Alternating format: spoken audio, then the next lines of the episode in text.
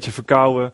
Dus dan ja, moet je toch een grens trekken. Dus gisteren hebben we geswitcht. En, of geswitcht. Ik heb haar dienst overgenomen. En vandaag mag ik het ehm, met jullie het woord delen. En volgende week ook. Dus ik heb er zin in. Ehm, het was een hele mooie zangdienst, Ines. Want die zei allemaal dingen die echt precies letterlijk terugkomen in mijn preek vandaag. En ook de Bijbeltekst die je ook had. Waar stond die, die Bijbeltekst? Efeze 1. Uh, eh, daarin stond ook van, uh, dat God ons van tevoren heeft bedoeld om zijn kinderen te worden. Dus lang voordat we geboren waren, lang voordat we überhaupt de aarde bestond, waren we eigenlijk al bedoeld om zijn kinderen te worden. En dat is, dat is echt een geniale tekst. Ook wat je zei over angst en schaamte. Ik heb het precies ook hier staan. Dat was heel, uh, heel profetisch eigenlijk, zou ik zeggen. En nou, gistermiddag ben ik begonnen met, met de preek een beetje voorbereiden. En dat gaat een beetje zich in mijn hoofd gaat zich dan vormen. En dan heb ik gisteravond alle kinderen naar bed gebracht. En we hebben er vier, dus het duurt wel eventjes, maar op zich gaat het wel aardig goed. En als ze allemaal naar bed zijn, toen ben ik een rondje gaan lopen en een heel stuk door Zutphen gelopen. En dan gaat de inspiratie, die komt op gang. Nou, dan ben ik gaan slapen natuurlijk vannacht. En vanochtend vroeg, uh, om half zeven stond ik buiten. Heb ik er heel eind gelopen. En dan ging het zich weer verder vormen. Dan gaat inspiratie gaat dan uh, komen. En dan ren ik gelijk naar boven toe. En dan ga ik gelijk alles uittypen. En dan uh, is het ongeveer wel zo klaar. Zo werkt God bij mij. Als ik ga wandelen, dan gaat allemaal. Dan gaat mijn wifi gaat dan aan. Dan ben ik aangesloten op het netwerk. En de vraag is eigenlijk: ben jij vandaag ook aangesloten op het netwerk wat hierboven is? Of heb je de wifi-code nog niet gevonden? Nou, vandaag gaat het eigenlijk over drie dingen. Het thema is Volg Jezus. En de eerste is eigenlijk de zondeval. Wat is er misgegaan? De tweede is wie is Jezus? Wie is hij als persoon? Wat kunnen we van hem leren? En de derde is eigenlijk wat doet hij nu voor jou? Wat heb je er nou aan om uh, hem nu te kennen? Wat heb je aan deze dingen? En het heeft inderdaad ook te maken met dat er eigenlijk, kun je het zien, God is hier in deze ruimte, God is overal. Maar wat er moet gebeuren is dat je connect met God. En dan gaat de dingen stromen. Dan gaan er liefde stromen, er gaat bevrijding komen, er gaat genezing komen, er gaat herstel komen, er gaan allemaal dingen gaan er gebeuren. Alleen je moet wel eventjes die wifi-code hebben. En bij veel mensen, die proberen van alles. En die proberen de wifi-code te kraken, of die proberen illegaal in te breken, of die proberen misschien een illegaal netwerk te gebruiken. Dat zijn allemaal kopieën en slechte afgeleiders van God zelf. En de kunst is, door Jezus, dat wij eigenlijk de weg, de wifi is open naar het netwerk toe. Nou, de zondeval. Um, Adam en Eva waren natuurlijk gemaakt als perfecte mensen. En ze waren compleet zonder zonde. Ze waren niet goddelijk, ze waren gewoon mensen zoals jij en ik. Alleen ze kenden geen zondige natuur. Dus alles was perfect. Ze hadden een, een hele intieme, close relatie met God. Dat is heel bijzonder, want in de, in de Genesis staat ook dat God met hen door de hof wandelde. En dat betekent dus dat er sprake is van een hele close relatie. En s'avonds in de avondkoelte, dan hoorden Adam en Eva de voetstappen van God hoorden die al dichterbij komen. En dan wisten ze van, hé, hey, we gaan weer lekker met God een rondje wandelen. Zoals ik dat vanavond ook heb gedaan, alleen dan in iets andere vorm, of gisteravond.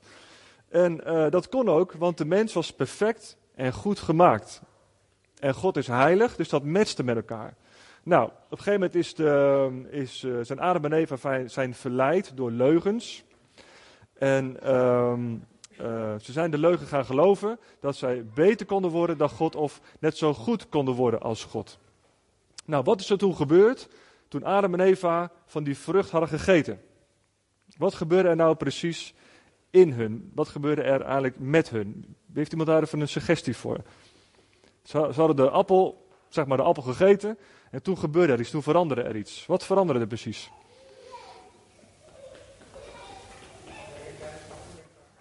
Ja, ze kregen kennis van goed en kwaad, ja, dat klopt. Want eerst kenden ze alleen maar goed. Ja, en nu kennen ze goed en kwaad. Ja, dat is heel mooi. Nog meer dingen? Contact met God was verbroken of beschadigd. Ja, contact met God was verbroken en beschadigd. Zeker, zeker, ja. Ja. Ze maakten kennis met negatieve emoties, zeker, ja. He, uh, hadden tot die tijd was het gewoon één grote hemels paradijs en alles was goed, alles was perfect. Ze kenden geen negatieve emoties, ze kenden geen pijn. En op het moment dat ze dus gekozen hadden voor de leugen, ze hadden de leugen geloofd en de, uh, de appel gegeten, zeg maar, toen drong de zonde in hun ziel. En, en weet je wat er toen gebeurde? Er gebeurden eigenlijk drie dingen. Drie emoties. Ze kwamen, uh, er kwam angst in hun leven, er kwam schaamte in hun leven en ze begonnen te liegen. Angst, schaamte en leugens. Nou, is deze hele wereld niet eigenlijk misschien opgehangen aan die drie dingen: angst, schaamte en leugens. Want ze schaamden zich in één keer voor elkaar, want ze kwamen erachter dat ze naakt waren. Ze schaamden zich voor God.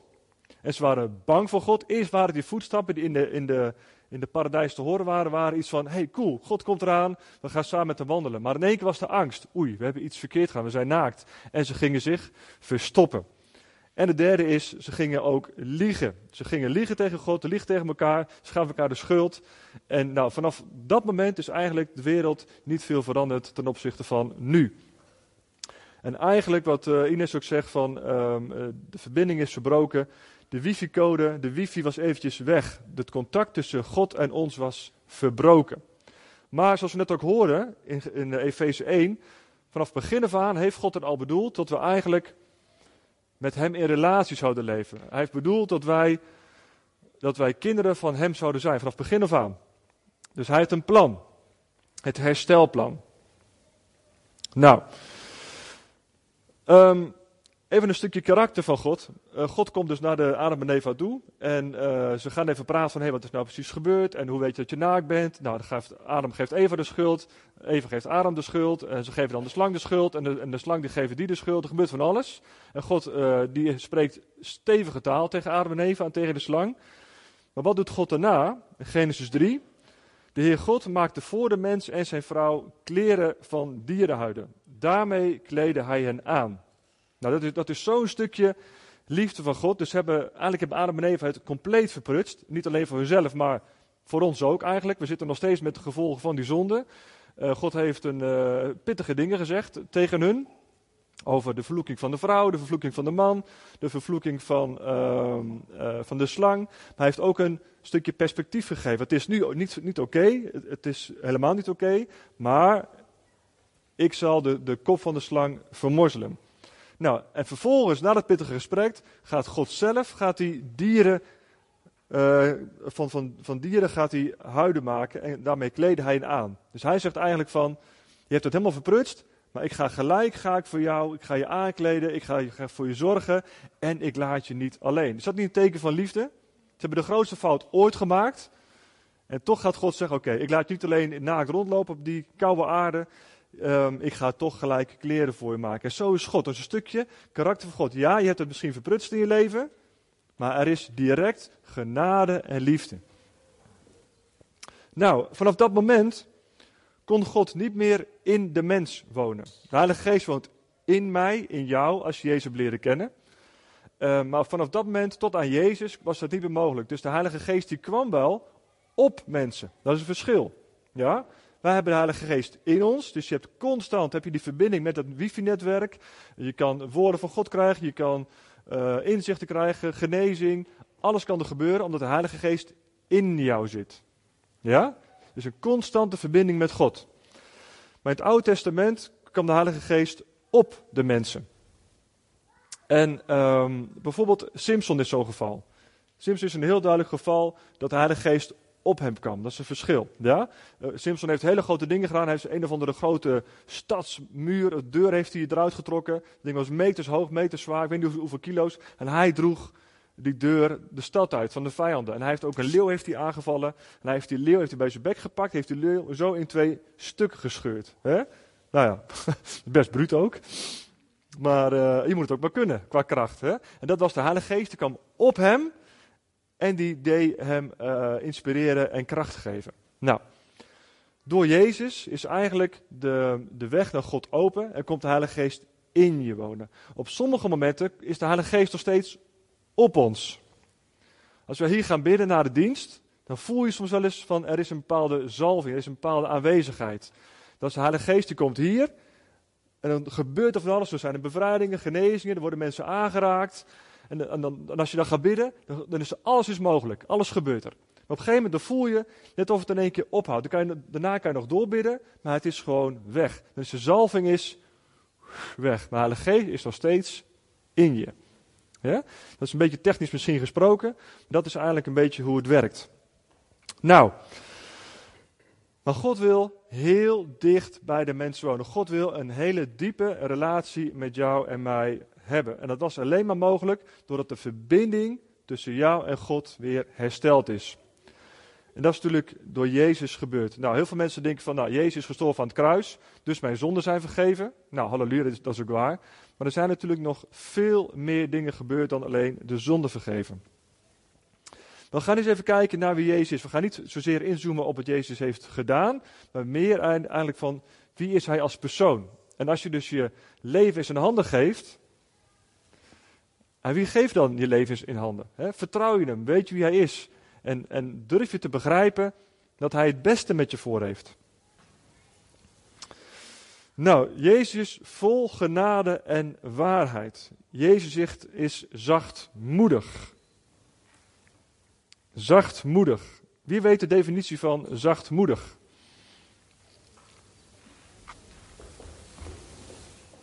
Ja, ja. Durf om kwetsbaar te zijn. Heeft iemand een associatie bij zachtmoedig? Als iemand zachtmoedig is, wat ben je dan? Aardig. Liefdevol. Bewogen, vriendelijk. Ja. Een beetje misschien als een, als een, als een zacht eitje. Je bent een beetje zachtmoedig, weet je, een beetje wegen van, ach eh, bij, die, bij, die persoon kun je alles flikken, die heeft misschien geen grenzen. Die is een beetje een, een, ja, beetje een zacht persoon, zeg maar. Maar dat is niet zachtmoedig. Toegankelijk, ja. Nou, toegankelijk is al wat sterker. Hè. Je kan dus toegankelijk zijn, maar je kan dus ook gesloten zijn. Dus al wat meer kracht. De definitie van zachtmoedig is dat je de kracht en de macht bezit om in te grijpen, maar het niet doet. Je hebt de kracht om je te beheersen. En je bent bereid om af te zien van je recht om de ander te winnen. Dus je bezit de kracht en de macht om in te grijpen, maar je doet het niet. Dan ben je dus zachtmoedig. Ja?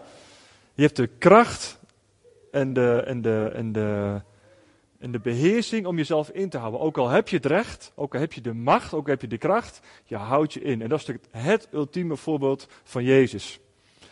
Toen, uh, toen Jezus werd gevangen genomen, uh, in Johannes 18, dan, uh, dan staat hij daar op de Olijfberg. Hij heeft de hele nacht heeft hij gebeden. En Judas heeft hem natuurlijk verraden. En dan gebeurt iets heel bijzonders. Heb je wel eens gelezen wat daar gebeurt? Als Jezus gevangen genomen gaat worden? Er komen ongeveer minimaal 200 soldaten. Die komen Jezus gevangen nemen. Minimaal 200. Dus er zijn diverse uitleggen. Sommigen zeggen 200, maar sommigen zeggen 400 of, of zelfs 600. Ja? Maar minimaal 200 mensen komen daar naar de Olijfberg toe om Jezus gevangen te nemen. Met, met stokken, zwaarden, uh, messen, uh, fakkels. En die 200 man, die komen in de nacht naar Jezus toe. Ja? En wat zeggen ze dan? Judas komt naar voren. Nee, Judas komt eraan met, met die mensen. En wat zegt Jezus dan? Wie zoekt u? Jezus die stapt naar voren. Hij laat niet de meute op zich afkomen van nou, goh, uh, ik laat me een beetje overvallen. Jezus is precies wat er zou gebeuren. Jezus doet, doet een stap naar voren en hij zegt, wie zoekt u? Ja? En dan zeggen de, de mensen zoeken van, ja, we, we, zoeken Jezus, zeggen ze dan. En wat gebeurt als ze zeggen, we zoeken Jezus? Dan zegt hij, ik ben, eigo emi. Ja? En dan gaat zo'n kracht vanuit, uit die woorden van God, ik ben, die 200 mensen, die vliegen allemaal op de grond. Die deinzen naar achter, vallen op de grond met al die fakkels, zwaarden en dingen. En die klappen in één, één klap vliegen ze op de grond. Ze kunnen niks meer. Ja? Door alleen doordat Jezus zich bekend maakt.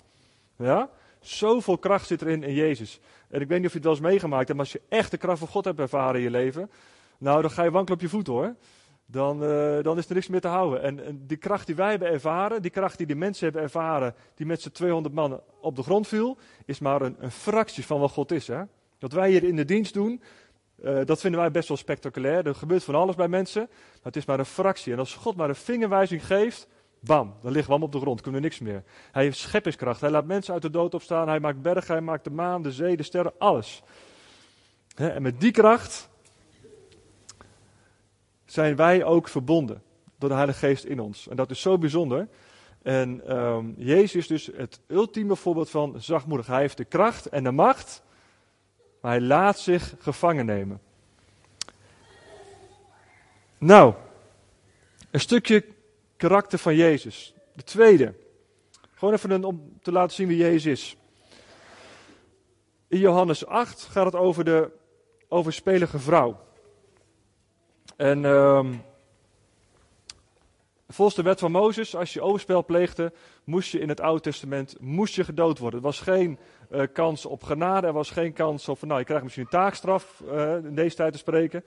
Je moest gewoon gedood worden. Heb je overspel gepleegd, moesten de man en de vrouw allebei gedood worden. Dat is op zich ook wel zo eerlijk, hè? Dat je niet één van twee zegt. Van, nou, meestal zijn natuurlijk de vrouwen de sjaak.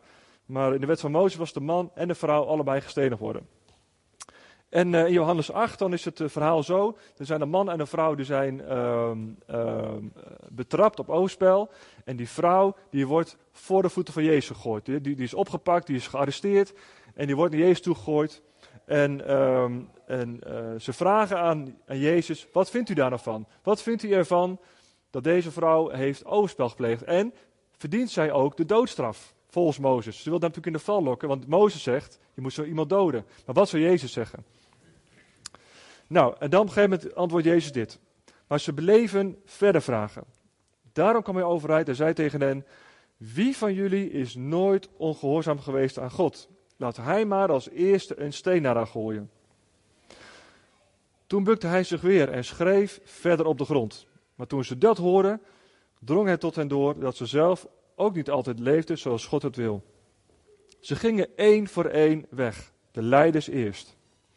De vrouw bleef achter in de kring van mensen rondom haar, rondom Jezus. Jezus kwam overeind en zag dat ze waren weggaan. Hij vroeg haar: Vrouw, waar zijn de mannen gebleven die jou beschuldigden? Heeft niemand van hen je veroordeeld? En ze zei: Nee, Heer, niemand. En Jezus zei: Ik veroordeel je ook niet. Ga naar huis en doe geen verkeerde dingen meer. En daarna zei Jezus: Hij zegt: Ik ben het licht voor de mensen. Ik ben. Dat is de naam van God. Iemand die mij volgt, hoeft nooit meer in het donker te leven. Hij zal wandelen in het licht dat leven geeft. Ja? Dat is het ultieme karakter van Jezus. Iedereen wilde die vrouw dood hebben, ze wilden haar graag stenigen om aan de wet te voldoen. Maar Jezus zegt: zondig niet meer, ik veroordeel niet meer. En vervolgens zegt hij: Ik ben het licht, kom alsjeblieft naar mij. Het is een uitnodiging. Nou, dat is het ultieme karakter van Jezus. Hij is zachtmoedig, hij heeft de kracht en de macht om ons allemaal te veroordelen en uh, te straffen voor dingen. Maar hij zegt: Nee, ik doe het niet. Ik ben speciaal gekomen om jou vrij te zetten. Ik wil dat de weg naar God voor jou open is. En vervolgens is hij ook nog eens vol genade. Dus als je een keer over de schreef gaat, als je in zonde valt, dan zegt hij: Maakt niet uit, ik heb ervoor betaald. Blijf dicht in mij, blijf in mijn genade. En dan blijft die weg ook open. He? Die wifi, dat netwerk, dat blijft daar voor jou beschikbaar. Moet je goed houden het woord wifi-code. Onthoud die maar voor deze week, ja? Elke als je je niet goed voelt, of als je je niet lekker voelt, als je gezondigd hebt, of als je dingen verprutst hebt, die wifi-code, die blijft geldig. Het is niet zoals je in één keer uh, ruzie hebt gemaakt met iemand of wat dan ook, dat in één keer die, die wifi-code niet meer geldig is. Jezus is de ultieme wifi-code. Hij is de toegang tot dat netwerk. Ja? En dat netwerk, daar stroomt liefde, daar stroomt genade, daar stroomt blijdschap, vrijheid, herstel. En Gods plan voor jouw leven gaat in werking komen. Nou, nog een voorbeeldje over de barmhartige Samaritaan. Dat is een mooie les ook voor ons. Iedereen kent waarschijnlijk wel het voorbeeld van de barmhartige Samaritaan. Hè, waarin, uh, ik ga het gewoon even voorlezen. Dat. Dat is een gelijkenis.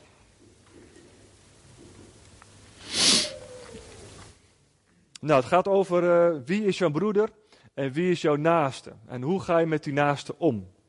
Jezus heeft daar natuurlijk hele mooie antwoorden over.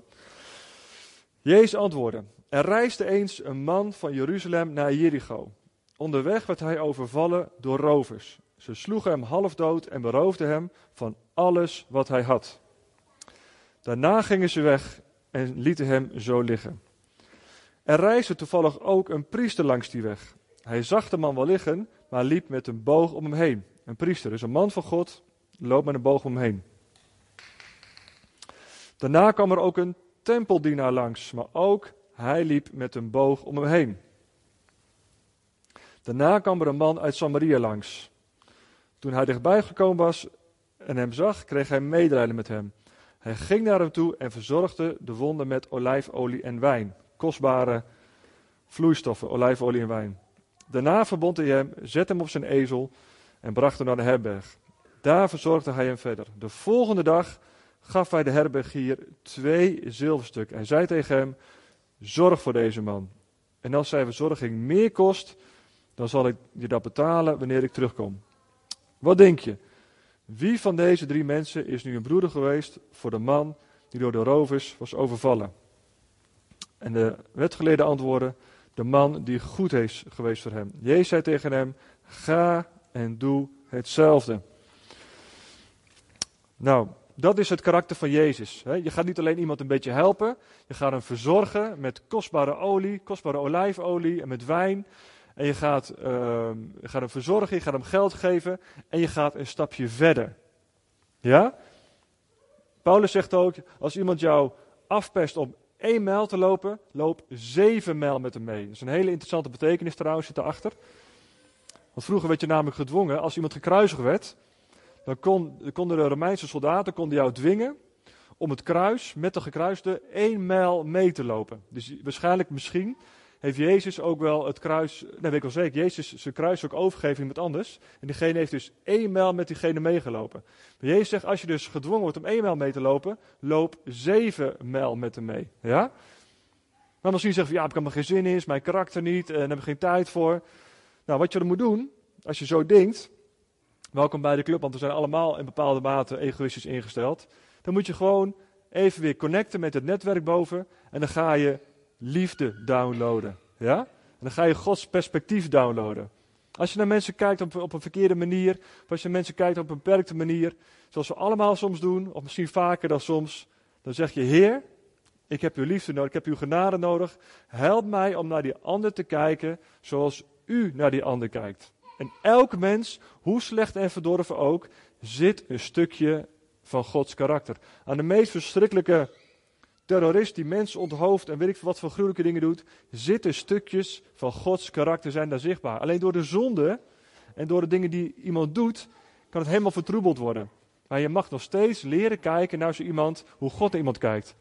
Maar als je je naaste haat, als je je naaste niet goed beoordeelt of niet goed naar hem kijkt, hoe kun je hem dan tot Jezus leiden? We hebben allemaal die kracht nodig, we hebben allemaal die liefde nodig en die komt van boven naar ons toe, door ons heen naar die ander. Als je liefde tekort hebt, bid erom. Als je wijsheid tekort hebt, bid erom. Ja? Dat is constant, is dat beschikbaar. Alleen, Jezus geeft ons het voorbeeld. Nou, wat doet Jezus voor jou? Wat heb je nou vandaag aan al die dingen? Ik heb al een paar dingetjes genoemd. Heb je wel eens gehoord van het woord leg agarij? Nou, jij wel, Rick. De rest heb je al gehoord van leg agarij? Iemand? Nee, hè? We gekke woorden vandaag. Zachtmoedig en leg agarij. Maar uh, het is het Hebreeuwse woord dat betekent: kom, volg mij en kom bij mij in de leer. Kom en volg mij en kom bij mij in de leer. Nou, vroeger was het zo: um, er waren rabbies. En um, uh, zo'n rabbi die ging dan een leerling zoeken. En de leerlingen moesten eigenlijk perfect zijn. In de eerste vijf jaar dat zo'n leerling bij zo'n rabbi in de leer was, moest hij perfect de vijf boeken van Mozes moest hij kunnen opzeggen, letterlijk uit zijn hoofd kunnen opdreunen. En um, de eerste vijf jaar, dan, uh, na die vijf jaar, dan moest de rabbi eigenlijk de meeste leerlingen keihard afwijzen. Je bent niet goed genoeg, je hoort er niet bij, jij kan niet genoeg leren, jij voldoet niet aan de maatstaven die ik als rabbi stel aan mijn leerlingen. Ja? Nou, vervolgens de volgende jaren moesten die leerlingen nog veel meer dingen leren. Dus die leerling moest net zo goed worden als zijn meester, als zijn leraar.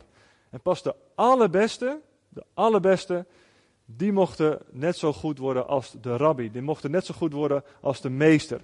En die, diegenen die mee mochten met hem, die goed genoeg waren bevonden, die horen de woorden leg acharij. Kom bij mij, volg mij en kom bij mij in de leer.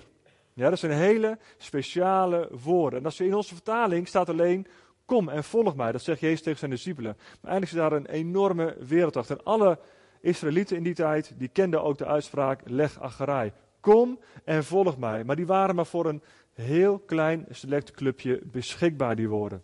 Dus de meeste mensen hadden te maken met afwijzing. Die zouden nooit zo goed worden als hun meester, als hun rabbi. Maar Jezus anders. Jezus zegt, kom en volg mij. Jezus zegt, leg acherij tegen ons allemaal. Hij zal jou en mij nooit afwijzen. Het wifi-netwerk staat open. Ja? Nou, een van de dingen die gaat veranderen als je Jezus als wifi-code naar God gebruikt, is schuld en schaamte en angst mogen verdwijnen. Alles wat je meegemaakt hebt in je leven, alle rotsen die je meegemaakt hebt, mag je brengen in het licht van God. We hebben allemaal te maken gehad met, met, met, met afwijzing of met pijn of met schaamte. Dingen die jou aangedaan zijn, dingen die je overkomen zijn of dingen die jij anderen hebt uh, toegebracht. Ja? We hebben allemaal met dat soort dingen te maken. En Jezus zegt, kom bij mij, maak het in orde met mij. Ik maak de weg naar God weer open. Ik ga je herstellen van binnen. Ik ga je bevrijden van binnen. Maar kom alsjeblieft bij mij. Ik ben een leermeester die nooit te hoge eisen aan je stelt. Je bent exact zo geaccepteerd zoals je bent. Of je nou heel goed leeft of heel slecht leeft. God ziet jou, wat Ines net ook zei, God ziet jou door Jezus. Dus eerst ziet hij Jezus en dan ziet hij jou. Heb je dan nog issues in je leven? Worstel je dan nog met dingen? Ja, natuurlijk. We zijn niet perfecte mensen, maar God ziet jou wel als perfect. Dus ik, ik heb ook dingen in mijn leven waarvan ik denk van nou, ik zou toch echt willen dat het anders was. Dingen waar ik zelf tegenaan loop. En heb jij waarschijnlijk ook. Bepaalde denkpatronen, bepaalde manieren van doen waarvan je zelf baalt. Of je partner baalt ervan, dat kan natuurlijk ook. Hè? en, uh, en, en, soms dan gaat God ook een wonder in jou doen. Soms dan kan God die karakter, of dat, die gedachtegang, of dat proces in jou denken, dat misschien door de vijand vroeger is ingeplant. Als je dingen vroeger hebt meegemaakt als kind, dan, dan, dan vormt dat jou. En in, de, in die manier hoe je gevormd bent, daar kan de vijand in gaan zitten. De vijand gaat altijd zitten op wonden en op zonden. Wonden en zonden zijn open deuren voor de vijand. En gedrag wat je altijd hebt vertoond, waarvan je denkt dat het van jezelf is, kan na een bevrijding ineens totaal anders zijn. Ja? En soms doet God ook iets in jou, in je hersenen. Dan raakt hij heel diep van binnen aan. Bij een hele diepe aanraking van God kunnen er dingen in je karakter of in je gedachten veranderen. Maar ook als dat niet gebeurt, als je nog steeds met dingen worstelt, God ziet jou nog steeds als rein en heilig. En hij wil niks anders dan heel dichtbij je zijn. Hij wil eigenlijk zijn Heilige Geest in jou uitstorten. Ja? Hij zegt weg met die schaamte, weg met die schuld. Je hoeft niks van mij te verbergen. Ik sta volledig klaar voor jou. Je mag volledig jezelf zijn bij mij. En ik heb een plan met je leven. En ik ga met jou het leven door. En ja, er zullen moeilijke dingen komen. Er zullen moeilijke beslissingen komen. Maar ik ga daardoor met jou doorheen. Ja? Vroeger heb je in je oude tijd misschien heb je moeilijke dingen meegemaakt en moest je alleen oplossen. Was je misschien ook alleen? Voelde je alleen? Was er niemand om je te helpen? Dat kan. Maar nu, als je de dingen heen gaat, God is in jou en hij stuurt je bij. En de kans dat je domme dingen doet is kleiner omdat de Heilige Geest jou bijstuurt. Als je goed leert luisteren naar die stem van de Heilige Geest, die intuïtie, dan gaat God je echt next level brengen. Hij, hij houdt van je zoals je bent, is een mooie uitspraak. Hij houdt van je zoals je bent, maar hij houdt te veel van je om je te laten zijn zoals je bent. Dus hij ziet jou nu zoals, zoals je nu bent. Hij zegt, je bent perfect, ik hou van je. Maar ik ga je helpen om hier vanaf te komen, ik ga je helpen om daar vanaf te komen. En uh, het eind van je leven, mochten we misschien allemaal heel erg oud worden, Ehm, dan ben je niet perfect. Nog steeds niet. Je hebt nog steeds issues. Je, je, hebt, je, hebt, nog steeds tegen dingen aan. Alleen, je bent wel een mooiere mens. Je bent dichter bij de bestemming gekomen hoe God je heeft bedoeld. Je wordt geboren met een bepaalde bestemming. Je wordt geboren met een karakter. Maar door het leven wat je soms leidt, wat, wat je overkomen is, kan je beschadigd raken. Hè? En kunnen er dingen anders gaan in je leven. Maar God is altijd daar voor herstel. Maar de vraag is, Durf jij de, de controle over je leven los te laten? Ik heb je een aantal dingen geschetst over Jezus is. Ik heb je zijn karakter laten zien. En de vraag is eigenlijk, durf je de wifi-code aan te zetten? Wil je die connectie met God gaan maken? Wil je loskomen van je schuld, van je schaamte, van je angst, van al die dingen die in je leven zijn, eh, zijn overkomen? Durf je je te laten leiden door de Heilige Geest? De Heilige Geest die gaat je hele bijzondere dingen laten zien. Sommige mensen zijn gelijk bang, heb ik vroeger ook gehad. Van nou, als je dan je leven aan God gaat geven, nou dan gaat hij allemaal dingen laten doen die je niet wil. Dan moet je allemaal dingen, dan moet je in één keer naar de Noordpool, terwijl je een hekel aan kou. Of je moet naar de, naar de troop, terwijl je een hekel aan warmte, weet je. Allemaal dingen die helemaal niet fijn zijn voor me. Zo werkt God helemaal niet. God gaat je stapje voor stapje, gaat je leiden. Het is altijd een keus. Ja? Als je dicht bij God leeft, dan laat hij je dingen zien. En uh, laatst hadden we ook met iemand, uh, met, met Nathalie, hè? vorige week, de week ervoor. Nathalie voelde, die voelde, vandaag moet ik naar voren gaan om te bidden. Ze voelde het in haar geest. En ze is naar voren gegaan, nou, er is echt van alles is er gebeurd. Nou, ik zal het niet noemen hier, maar van hier tot en met, weet niet hoeveel, generaties ervoor hebben allemaal vrijgebeden. Allemaal. Weet je wel? Waarom vorige week? Niemand weet het, God weet dat. Maar God, die gaf haar een heel licht seintje. Ga naar voren. Dit is moment, en met jou ook trouwens Ines, een paar weken ervoor. Die had ook het gevoel na de dienst van, ik moet naar voren gaan. Ze hele lichte, kleine aanwijzingen. God zegt, kom, ga naar voren, laat voor je bidden.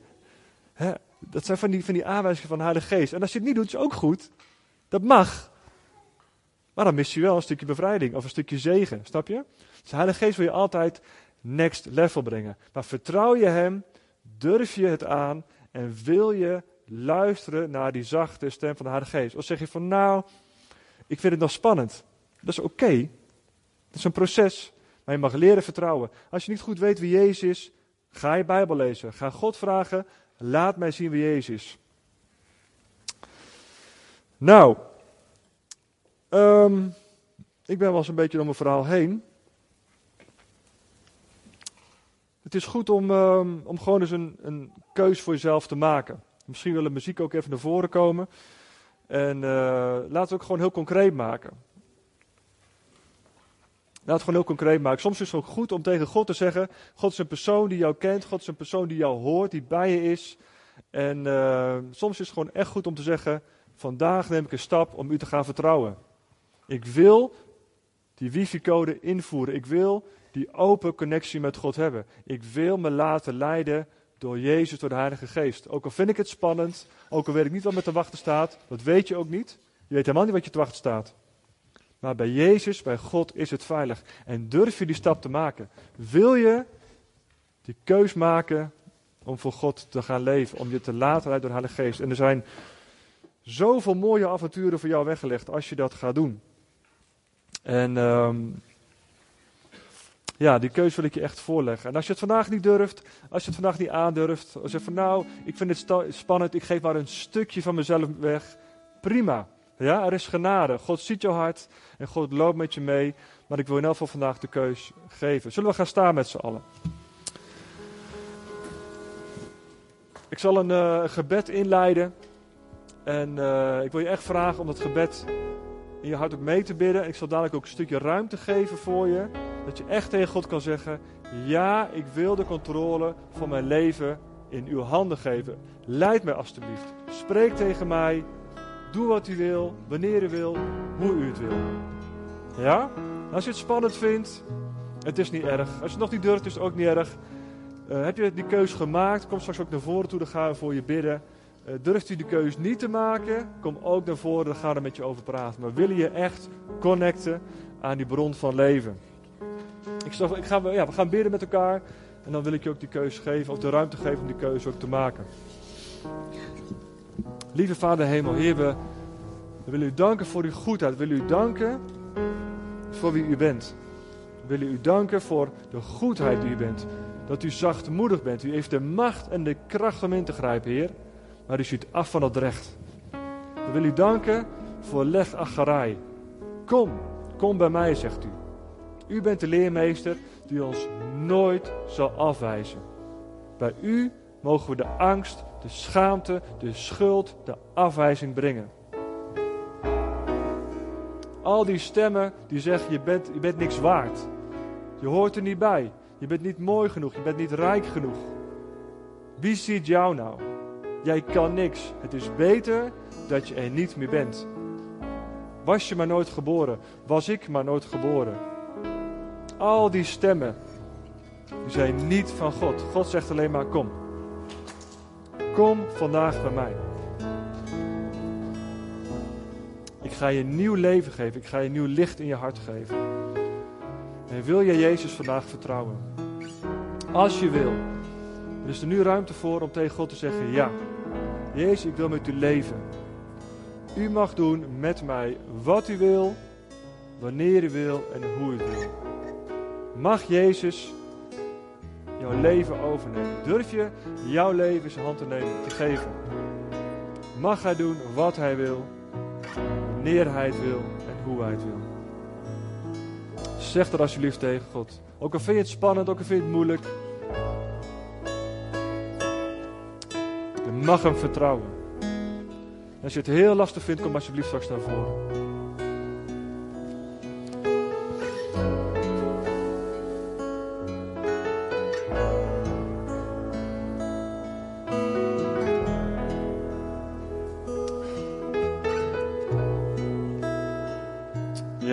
Geest, u heeft al onze gebeden gehoord.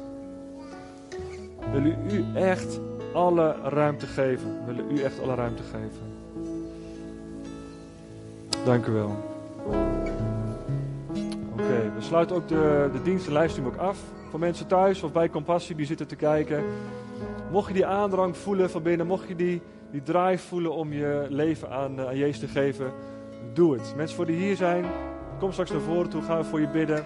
En ook voor de mensen die thuis zijn, uh, voel je die aandrang, heb je, ben je alleen, stuur een mailtje, bel ons op, dan gaan we met je in contact komen. We willen je echt koppelen, we willen die wifi-code voor je invoeren, zodat je verbonden bent met de hemel.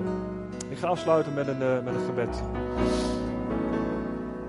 Vader de hemel, dank u wel voor deze dag. Dank u wel, Heer, dat we vandaag weer een kans is om dicht met u te leven. Ondanks al onze zwakheden, ondanks al onze tekortkomingen, u houdt van ons, u geniet van ons. Dank u wel, Heer Jezus. Dank u wel voor de liefde. Ik zegen ook iedereen, Vader, in Jezus' naam. Amen. Voor de mensen thuis, bedankt voor het kijken en tot de volgende week.